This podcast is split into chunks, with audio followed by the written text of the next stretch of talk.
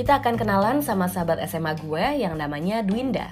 Dari SMA tuh dia passionate banget dengan segala yang berbau Jepang dan bercita-cita pengen sekolah dan tinggal di Jepang.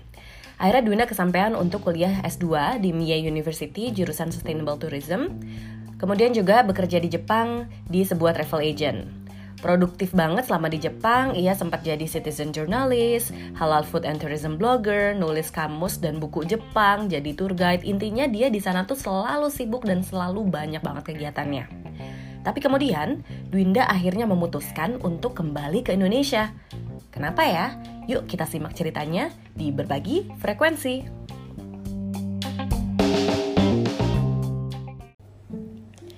Dwin kita flashback dulu ke zaman waktu kita SMA ya. Gue inget banget loh dulu tuh bahasa Jepang selalu nilainya paling bagus lah di kelas. Terus ngerjain PR-nya rajin gak kayak gue. Gue pengen tahu deh Waktu itu, waktu di masa lo SMA itu Apa yang membuat lo tertarik banget dan passionate banget soal Jepang? Jadi sebenarnya dari kecil ya biasa lah ya kita kan dicekoki oleh Doraemon dan Sailor Moon ya. Hmm. Nah terus tapi gue bener-bener suka sama Jepang itu pas gue SMP gue suka sama dorama itu judulnya Terms of a Witch. Terus abis yang main Hideaki Takizawa. Nah terus abis itu gue tuh pengen banget nulis surat nih buat si aktor uh. Kasep no iya gitu ya. Terus nah karena gue pengen nulis surat itu dan gue tahu orang Jepang tuh banyak yang nggak bisa bahasa Inggris akhirnya gue belajar lah itu sampai nulis. Ah demi desa. Demi desa. Akhirnya suratnya nggak kirim-kirim juga sih. Gitu. tapi okay. dari situ tuh awal mula oh ternyata bahasa Jepang tuh menarik. Terus Jepang tuh ternyata yang semodern apa sih negara Asia paling modern saat itu ya. Mm-hmm. itu tapi ternyata masih me melestarikan budayanya. Ini kok menarik dan akhirnya semenjak saat itu gue kayak sedikit terobsesi sama hal-hal berbau Jepang gitu. I see. Um, ya itu berarti dimulai jadi dari SMP SMP kelas 3an kali ya. Oke. Okay. nah um, udah gitu beres SMP SMA lo lulus S1 lo masuk sastra Jepang Unpad kan ya? Yep Nah, setelah dari lo beres S1 ini menuju sampai akhirnya bisa lo dapet S2 di Jepang tuh prosesnya kayak gimana sih? Perjuangan lo? Nah, ini jadi sebenarnya gue tuh udah mulai apply apply buat sekolah di Jepang tuh dari zaman uh, eh, SMA. Dulu ada program AFS hmm. yang pertukaran pelajar yeah, setahun yeah. gitu ya. Tapi selalu gagal, gagal gitu. Hmm. Terus gue masuk S1 uh, dan gue apply terus buat pertukaran pelajar nggak dapet juga gue ngerasa kayak Sama. aduh curhat ya bu ya emang bukan rezeki ya iya. nah terus sampai akhirnya pas gue lulus S1 gue belum berangkat juga dulu gue ikutan akhirnya Genesis program dan mm-hmm. kebetulan gue karena kerja di media itu ternyata jadi salah satu inilah uh, penilaian mereka buat gue lulus program ah, itu okay. nah tapi kan cuma seminggu tuh dulu okay. ke Sendai zaman-zaman abis tsunami itu loh. Okay. Jadi iya, gue iya, kayak peliputan gitu di sana. Uh -huh Nah, abis itu pas lagi mau S2 nih, gue nyari-nyari juga sebenarnya buat uh, eh, S2 ke Jepang, tapi kan kayaknya tuh harus bahasa Jepangnya harus keren banget, harus segala macam. Dan hmm. akhirnya tiba-tiba gue buka di website ternyata Unpad saat itu tuh ada program ilmu lingkungannya S2 dia lagi buka kerjasama sama Mie University. Uh -huh. nah gue nggak peduli tuh oh jurusan apa ya? Gitu. Terus habis itu gue ngeliat persyaratannya kayaknya gue bisa bisa apply aja karena gue kerja di radio dan ada hubungannya sama program Go Green akhirnya gue pakai lah itu program itu sebagai embel-embel gue bisa lah masuk lingkungan gitu ilmu lingkungan mm-hmm, mm-hmm. nah pokoknya gue dulu apa pun demi biar gue beasiswa ke Jepang mm-hmm. gitu yeah, karena yeah. orang tua gue saat itu nggak ngizinin gue untuk sekolah ke luar negeri kalau pakai biaya sendiri mm. lu pengen sekolah keluar ya lu cari beasiswa yeah. atau cari duit sendiri. Nah akhirnya gue menghalalkan segala cara biar gue bisa masuk ke Jepang itu akhirnya walaupun ini jurusan gak nyambung sama background gue, mm -hmm. tapi ternyata gue lolos gitu.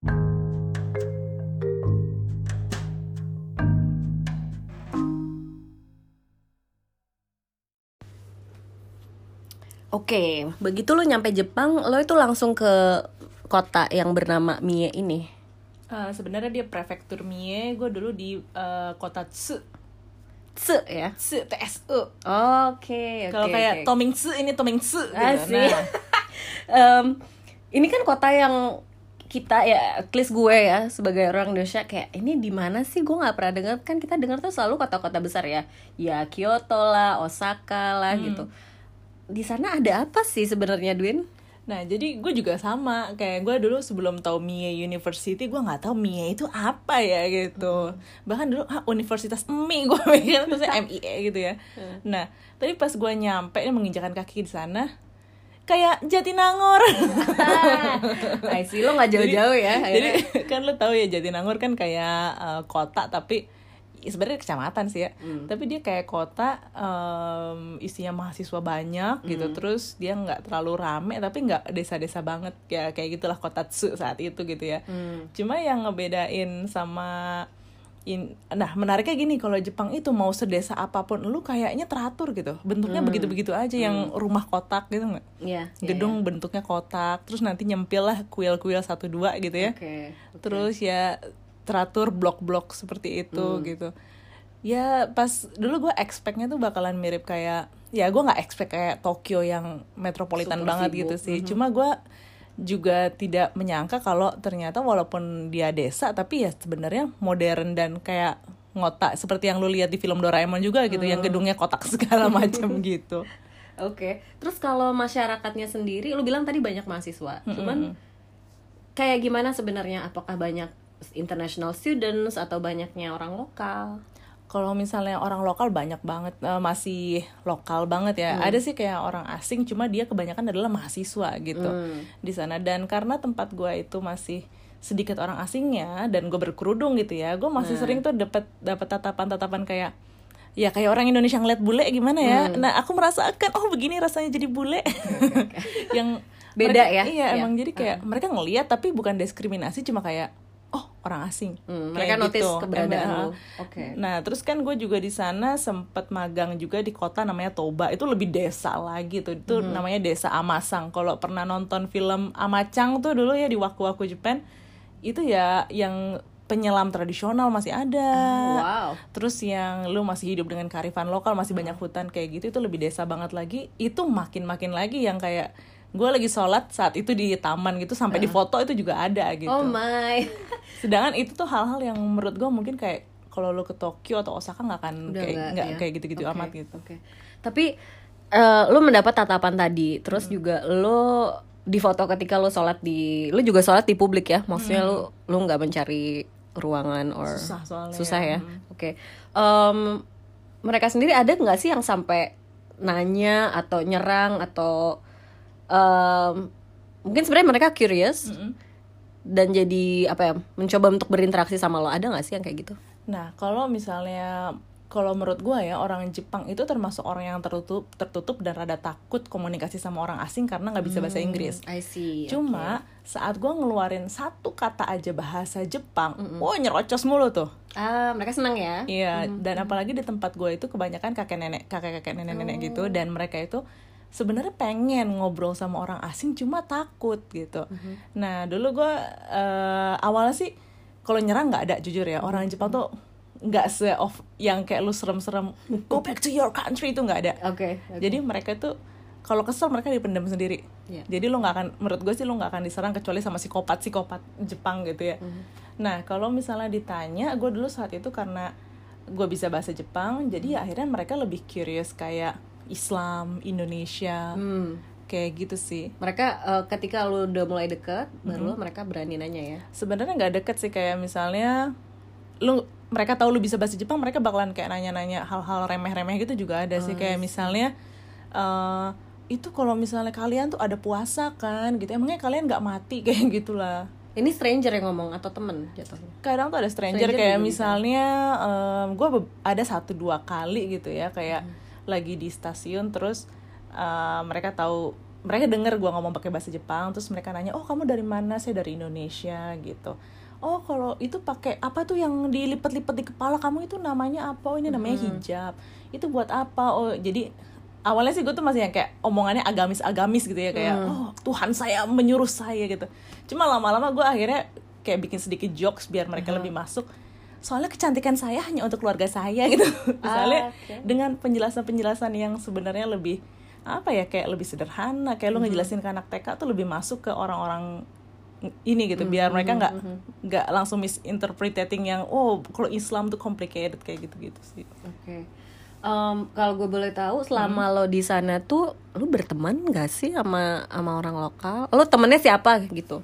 Nah ini menarik nih. Jadi dulu gue waktu kuliah itu kan gue eh, sebagai ryugakse, ryugakse itu mahasiswa pertukaran.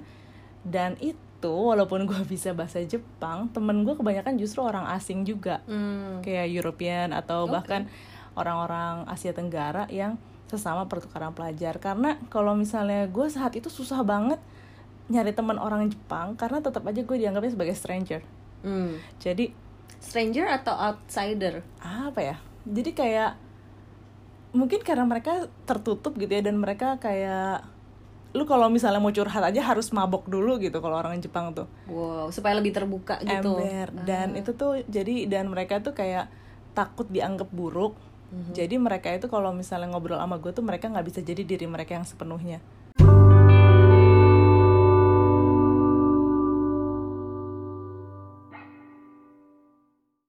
Eh, beda kan dunia kampus dan dunia kerja. Mm-mm. Eh, tapi gue justru jadi punya temen karena kerja Karena kerja, juga. I see. Nah itu gimana tuh coba? Nah karena waktu gua kerja tuh kan gue satu-satunya orang asing di tempat itu bahkan bisa dibilang tuh kayak satu kecamatan itu orang asingnya cuma gua doang gitu. Mhm. Nah itu adalah eh, jadi ya mau nggak mau gue harus berteman sama orang Jepang gitu. Hmm. Awalnya susah sih kayak Bos lu semua juga orang sana orang kan? orang sana semua orang asingnya gua doang dan bahkan di kota itu orang muslimnya cuma gua doang. Oh my, oke. Nah, lu merasa bisa berintegrasi nggak dengan lu menjadi diri lu sebagai orang Indonesia Muslim? awalnya susah mereka menghargai sih sebenarnya kayak oh lu muslim gitu oh lu nggak makan babi gitu misalnya nah tapi ya sebenarnya sih kayak gue melting ke apa apa ya gimana ya kayak bersahabat berteman dengan orang Jepang mudah tapi bersahabat dengan orang Jepang tuh menurut gue susah. Sampai akhirnya karena pro- dalam proses adaptasi ini ada satu orang temen gua yang di ini apa di kantor gua ini yang sebenarnya dia nggak bisa bahasa Inggris. Hampir hampir nggak bisa bahasa Inggris. Cuma ternyata dia bisa terbuka dan nyambung gitu pemikirannya dengan gua akhirnya jadi teman gibah dan dari situ kita bersahabat Ah, from gibah to to friendship gitu oke. Hmm. Em, dari ini balik eh, balik sedikit sih. Sebenarnya Hmm. dari lo kuliah terus akhirnya dapat kerja di sana. Susah nggak sih persaingannya dan apakah lo sebagai foreigner dapat apa ya semacam barriers untuk apply kerja dari baik itu dari segi misalnya secara culture mereka memang lebih terbuka sama orang mereka sendiri gitu atau dari segi administratif misal dari segi visa atau gitu-gitu ribet gak sih Kalau di Jepang itu ada dua cara menurut gua kalau untuk kerja. Nah, yang pertama itu dari namanya job hunting. Jadi lu ikutin kayak proses pas lu masih kuliah gitu itu prosesnya tuh setahun. Jadi kayak lu apply terus nanti ada tes nasional ya kayak proses itulah kayak administratif eh, kayak gitu. Nah, yang kedua adalah cara koneksi. Oke Dan kebetulan gue cara koneksi. Jadi gue dulu saat S2 itu gue penelitian dan sekaligus magang di satu ekotur gitu di sana. Dan setelah gue magang di sana, gue udah tahu kerjanya seperti apa. Terus iseng-iseng lah gue nanya gitu. Terus kira-kira saya bisa nggak ya kerja di sini? Oh kamu mau kerja di sini? Saya mau gitu. Terus dari situlah akhirnya bu- dia mereka bikinin LOE dan lain-lain gitu kayak buat visa. Terus mereka juga bahkan eh, saya sholat lima kali sehari dan mereka nyiap, nyiapin kayak musola gitu. Oh, wow, Terus gue nggak bisa gue nggak bisa makan babi, gue nggak bisa makan sake. Terus mereka sampai ya udah seafood nggak apa-apa kan seafood. Akhirnya mereka nyediain makan siangnya seafood kayak gitu sih. Oke, em, ini menarik karena dengan begitu mereka juga sebenarnya jadi dari mereka sendiri juga berusaha untuk adaptasi sama lo ya dan intinya mereka respect sebetulnya Nah, dengan segala apa perbedaan yang ada antara lo sebagai orang Indonesia dan mereka orang Jepang. Nah ini tergantung kantornya juga sih. Jadi eh, buat beberapa kasus kayak gue ada juga teman-teman gue yang dia masuk ke perusahaan yang cukup terbuka. Itu kayak mereka ada ruang rapat. Kamu kalau mau sholat di situ bisa. Cuma ada juga kesiannya sih kayak eh, dulu gue pernah ditolak sama satu perusahaan karena gue muslim. Ah, Nah, gua- mereka ngomong itu stated clearly. kalau- ada orang dalam yang akhirnya ngomong. Jadi gue gue rekomendasi sebenarnya. Orang ini ngerekomendasiin gue buat uh, kerja di sana dan kemudian gue diwawancara sama bosnya tapi gue nggak diterima dia mereka lebih milih orang Chinese buat kerja di bagian internasionalnya mereka. Oke, nah oke. terus orang dalam ini minta maaf ke gue dia. Jadi Duwina maaf ya gitu. Saya udah nyuruh kamu untuk capek-capek wawancara tapi ternyata kamu gak keterima. Oh ya nggak apa-apa. Soalnya mereka takut kan kamu ini muslim terus kamu nggak bisa makan eh, yang haram-haram gitu. Jadi mereka takutnya itu kalau misalnya bawa saya untuk dinas itu akan merepotkan. I see. jadi adalah beberapa beberapa perusahaan yang punya pertimbangan seperti itu. Tapi in a way berarti lu sebenarnya beruntung ya karena eh, perusahaan lo menerima lo Iya beruntung Apa banget adanya. sih jarang-jarang gitu ya. Iya, Bahkan iya, teman iya. gue tuh ada yang dia kerja di pabrik. Itu sampai sholatnya tuh harus dijamak terus gitu zuhur sama asar karena cuma ada waktu istirahat siang doang gitu ada juga. Iya iya. Iya itu gua kebayang sih. Sama sih di Eropa juga. Masih ya, banyak yang gitu sebagian ya. masih masih ada yang kayak gitu. Kalau bicara soal kultur bekerja di Jepang, kan mereka terkenal hard workers, robotik. Itu masih kayak gitu sampai sekarang. Even di di tempat lo di kota kecil gitu ya. Kita nggak bicara Tokyo, tapi kayak di kota tempat lo kerja nih. Kalau di tempat gue masih banget. Hmm. Jadi gue dulu gue tahu lah orang Jepang hard worker gitu ya. Cuma gue nggak nyangka kalau ternyata serobotik itu.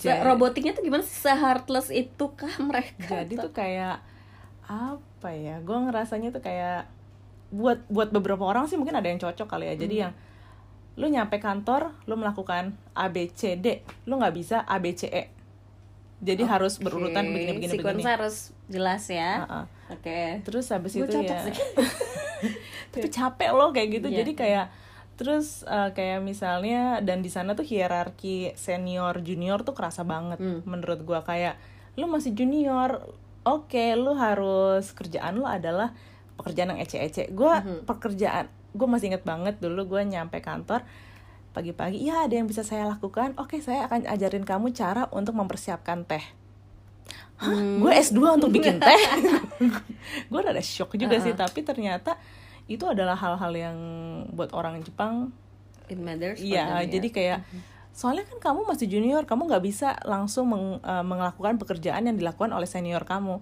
Hmm. jadi kamu lakuin hal-hal yang semua orang bisa melakukan sambil kamu ngeliatin senior kamu Oke. Walaupun kalau gue sih saat itu gue kalau gue mau sombong ya senior gue tuh mungkin pendidikannya nggak setinggi gue atau kayak gimana tapi emang dari situ juga gue belajar kayak menghargai pekerjaan-pekerjaan kecil tanpa lu harus sombong gitu. betul. Iya iya ya.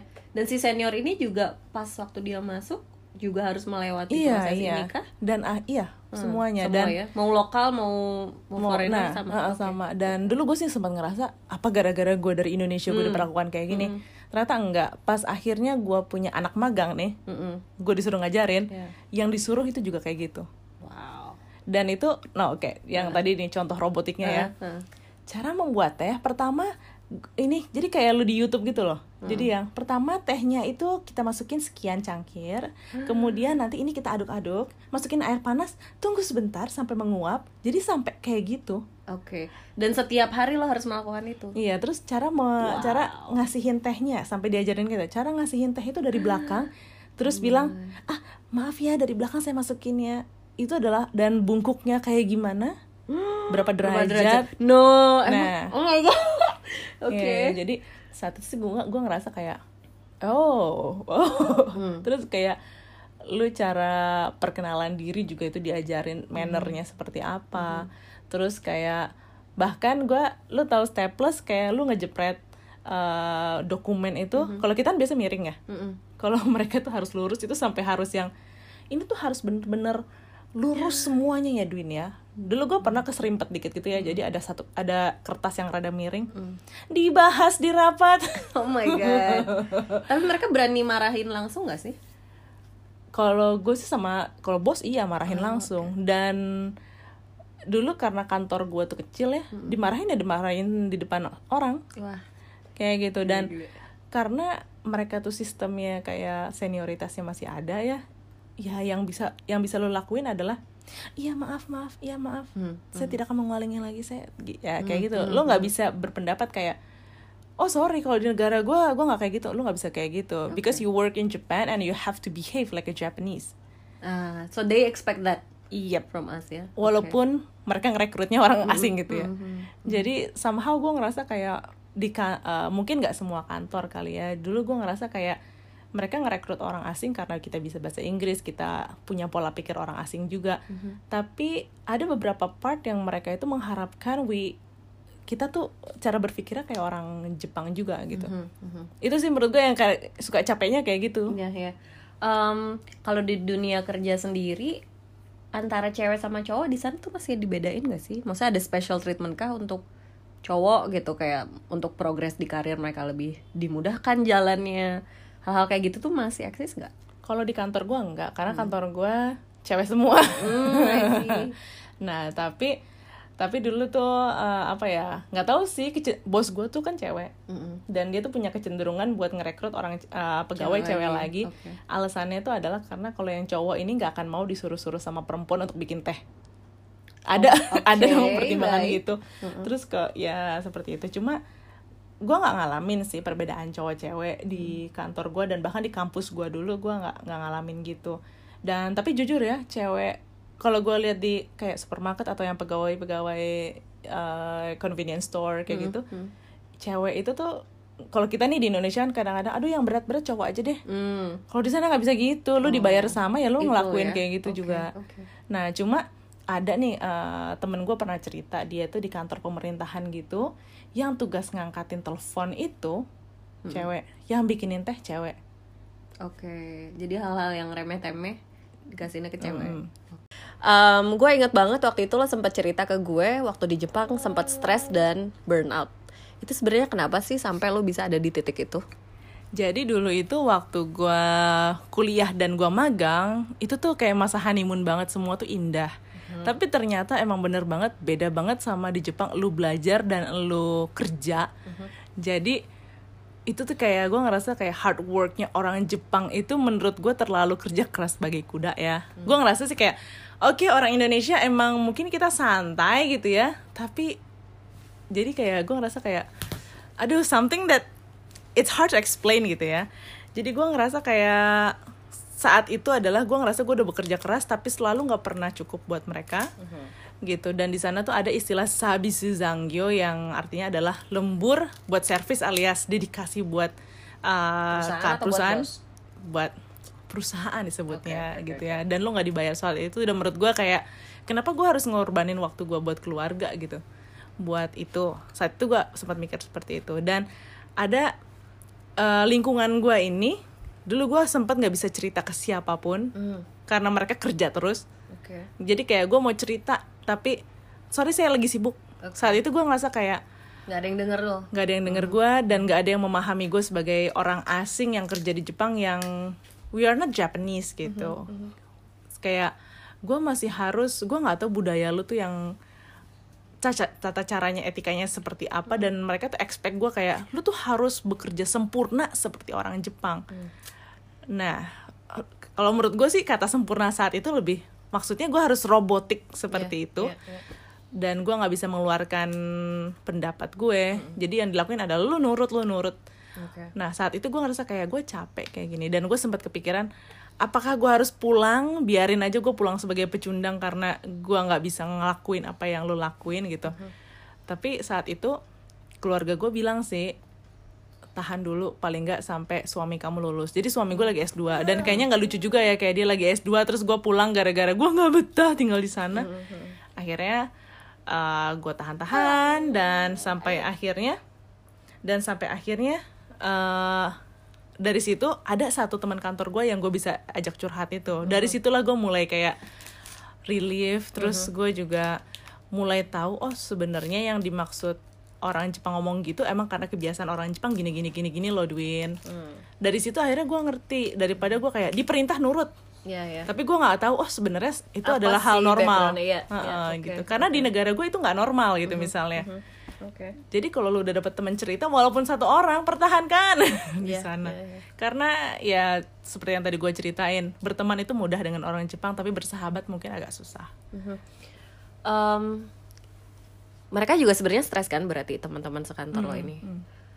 dan kalau kita nih ya yang orang luar ya nggak pernah ke gue misalnya nggak pernah ke Jepang nggak pernah kerja di Jepang dengar dengan misalnya suicide rate-nya di Jepang tuh tinggi Hmm. orang yang bunuh diri lo menurut lo itu lo bisa paham nggak karena lo tinggal di sana bahwa itu memang hal yang udah jadi kesehari-hari kan Oh, itu nggak iya. bukan sesuatu yang aneh Ah. lagi Jadi kalau di Tokyo yang gue denger tuh ya itu banyak banget yang kayak loncat ke kere- eh, ke rel kereta gitu kan. Dan tahu nggak orang Jepang tuh mikir orang yang loncat itu kalau kita kan iya ampun bunuh diri Iya. gara-gara stres. Kalau orang Jepang tuh justru kayak ya ampun bunuh diri di stasiun. Emang gak ada tempat lain? Gue jadi telat nih ke kantor. oh Reak- my reaksi kayak gitu tuh kayak hah kayak gitu dan dulu pas gue di Jepang itu itu sempat ada kasus uh, satu orang ada ini sampai heboh gitu ya di berita-berita.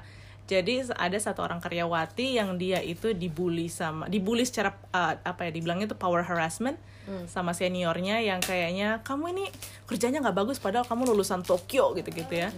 Pressure ya. Nah pressure seperti itu. Saat itu gue ngerasa Ya ampun ini nih kasus parah banget sih. Itu tuh seniornya parah banget Perusahaannya parah banget. Cuma saat gue cerita ke teman kantor gue Adalah teman sekantor gue itu Reaksinya ternyata Daripada dia bunuh diri ya Mendingan dia keluar aja. Loh tapi kan dia udah stres banget gitu ya. Kalau kita mah ada teman stres kita awet-awet ya. Iya, kita pukukin ya Uh-uh. kalau di sini. Ternyata di situ dia jawabnya kalau misalnya dia keluar dia bisa ngasih tahu oh ini nanti kamu kerjaan selanjutnya ini ini ini tolong lanjutkan. Kalau dia bunuh bunuh diri kerjaan dia tiba-tiba harus kita yang ngerjain kan bingung. Ya ampun ada orang yang mati lu masih ngomongin kerja. Gue tuh sampai iya. yang itu tuh hal yang gue nggak bisa toleransi hal-hal yang seperti itu terdengar seolah-olah komen mereka heartless sih ya nggak sih Iya, Ya, yang banget. ada Iya, iya banget.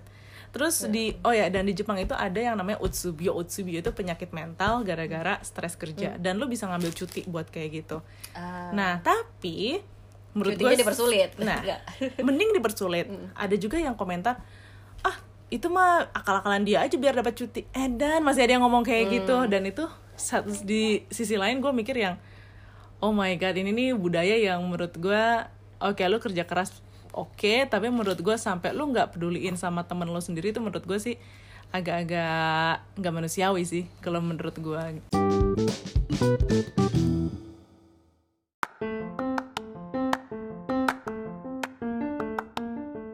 Oke, di segmen terakhir ini gue pengen tahu. Sekarang kan lo ada di sini bersama gue di Jakarta. Apa sih yang membuat lo akhirnya memutuskan untuk pulang? Padahal lo kalau misalnya mau lanjut tuh masih bisa kan di kantor lo yang waktu itu. Apa yang membuat lo akhirnya udah deh gue harus kembali ke Indonesia? Uh, suami gue udah selesai kuliahnya kan terus habis itu uh, gue diskusi lah sama suami gue mau kerja di Jepang atau mau pulang ternyata suami gue mau pulang jadi dan akhirnya gue mikir juga sih kayak kan kalau gue lihat kalau di kalau gue terus di Jepang ya kerjaan gue adalah jam sekian gue berangkat kerja pulang kerja tidur istirahat. Nah kerja kayak kerja Iya, kerja hidup, buat kerja it's- terus it's all gitu ya. about work iya pada iya. Nah dan saat itu gue ngerasa kayak gue nggak mau sampai mati gue kayak gini. Walaupun kita nggak tahu ya sebenarnya mati bakalan di mana gitu ya. Cuman saat itu gue mikir kayak hidup tuh buat apa sih kalau kayak gitu-gitu terus gitu terus akhirnya yaudah deh kita pulang yuk kita ngebangun Indonesia bareng-bareng Cila ini idealis banget ya cuma emang sih saat itu mungkin karena kita sebagai diaspora yang ada di luar negeri akhirnya jadi kepikiran gitu nggak sih gue ingin memajukan Indonesia Dan memajukan dengan adanya Ladia ini membuat generasi baru Indonesia. Thank you Adwin ngobrol-ngobrolnya. Ntar kita Yo, sambung lagi. terima kasih ya Dah. Dadah.